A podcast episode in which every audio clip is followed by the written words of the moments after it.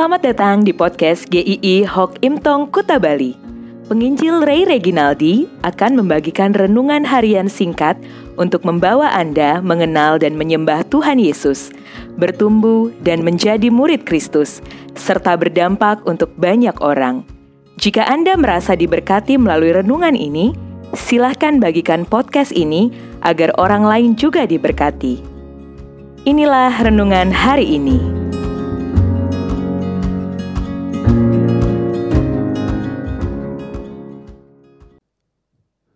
Pembawa damai. Matius 5 ayat 9. Berbahagialah orang yang membawa damai, karena mereka akan disebut anak-anak Allah. Salah satu ciri anak-anak Allah adalah orang yang membawa damai atau pendamai. Ironis memang ketika ada orang yang menyebut dirinya adalah anak Tuhan, tetapi justru menjadi tukang ribut, sering menyulut permasalahan yang tidak penting, dengan mudah menyalahkan orang lain. Orang yang membawa damai adalah bukan orang yang pasif. Orang yang diam saja tidak melakukan apa-apa atau menghindari ketika ada permasalahan. John Stott mengatakan, seseorang yang menghindari konflik sesungguhnya bukanlah seorang pembawa damai. Menghadapi masalah serta menolong orang lain untuk tetap dapat melakukan pekerjaannya dalam situasi penuh masalah termasuk bagian dari usaha membawa damai. Maka orang yang diam saja ketika ada permasalahan belum tentu itu adalah orang yang membawa damai. Karena di dalam hatinya mungkin jauh dari perdamaian. Hatinya bisa penuh caci maki dan kegeraman. Justru orang yang membawa damai adalah orang yang menghadapi permasalahan dengan cara yang Tuhan Yesus kehendaki. Penuh kasih. Damai dan kasih tidak bisa dipisahkan. Kalau punya kasih, pasti bisa berdamai. Tuhan Yesus datang ke dalam dunia tidak membawa permasalahan, bukan ingin menyusahkan manusia, tetapi justru mau mendamaikan manusia dengan Allah. Dia yang mau berkorban supaya manusia tidak lagi jadi musuh Allah. Tuhan Yesus adalah Raja Damai Yesaya 6 ayat 9 mengatakan Prince of Peace. Efesus 2 ayat 14 mengatakan, karena dialah damai sejahtera kita yang telah mempersatukan kedua pihak dan yang telah merobohkan tembok pemisah yaitu perseteruan.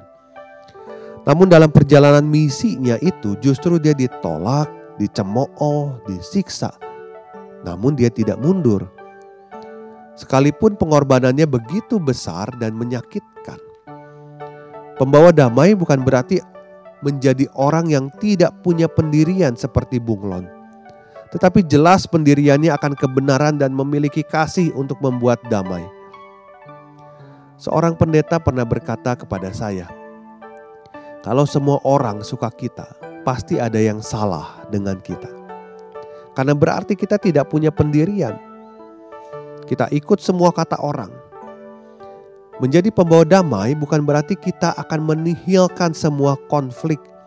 Mustahil, karena dunia ini adalah dunia yang sudah jatuh dalam dosa. Orang yang di, sudah diperdamaikan dengan Allah seharusnya menjadi orang yang membawa damai.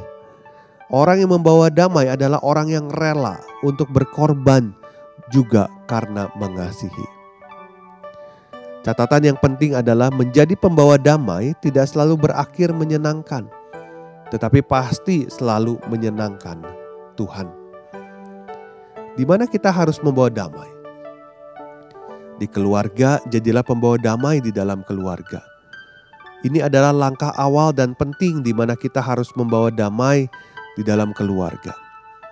Saat kita gagal membawa damai kepada suami, istri, anak-anak, sulit untuk menjadi pembawa damai di luar rumah. Di dalam komunitas orang percaya, kehadiran kita bukan menjadi batu sandungan atau memecah belah atau memperkeruh suasana, tetapi membangun dan mempersatukan. Di dalam masyarakat, hiduplah dengan damai dengan orang di sekitar Anda. Sangat ironis jika ada orang yang mengatakan begini, "Wah, tetangga saya orangnya ribut melulu, padahal dia orang Kristen. Tetapi biarlah tetangga kita pun mengatakan atau rekan kerja pun mengatakan, dia itu pembawa damai. Pantas karena dia adalah orang Kristen.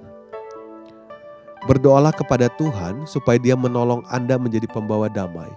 Dan mulailah doakan seseorang yang mungkin sudah lama berseteru dengan Anda.